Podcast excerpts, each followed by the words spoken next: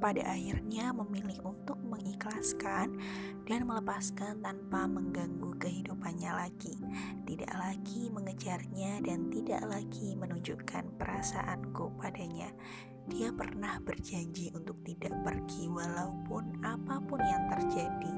Bahkan dia juga pernah berkata bahwa dia takut aku yang meninggalkannya.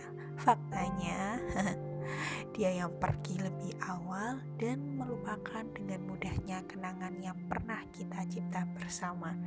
Ya, rasanya pasti menyakitkan dan gak mudah memaksakan diri untuk terbiasa dengan keadaan wajah yang dulu paling nyaman untuk aku tatap, aku pandang, sekarang menjadi wajah yang paling aku takuti dan untuk aku temui. Sekarang aku sadar karena itu yang terbaik untuknya. Aku sangat sadar bahwa bersamaku bukanlah sosok yang dia inginkan.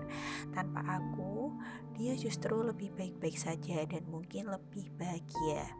Hmm, gimana ya? Ya, sekarang aku sadar karena itu emang jauh lebih baik gitu loh. Bukan sosok yang dia inginkan tanpa aku, dia justru lebih baik-baik saja dan mungkin lebih bahagia.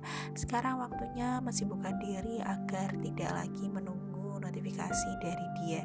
Belajar berhenti untuk tidak lagi menyebut namanya di dalam doa.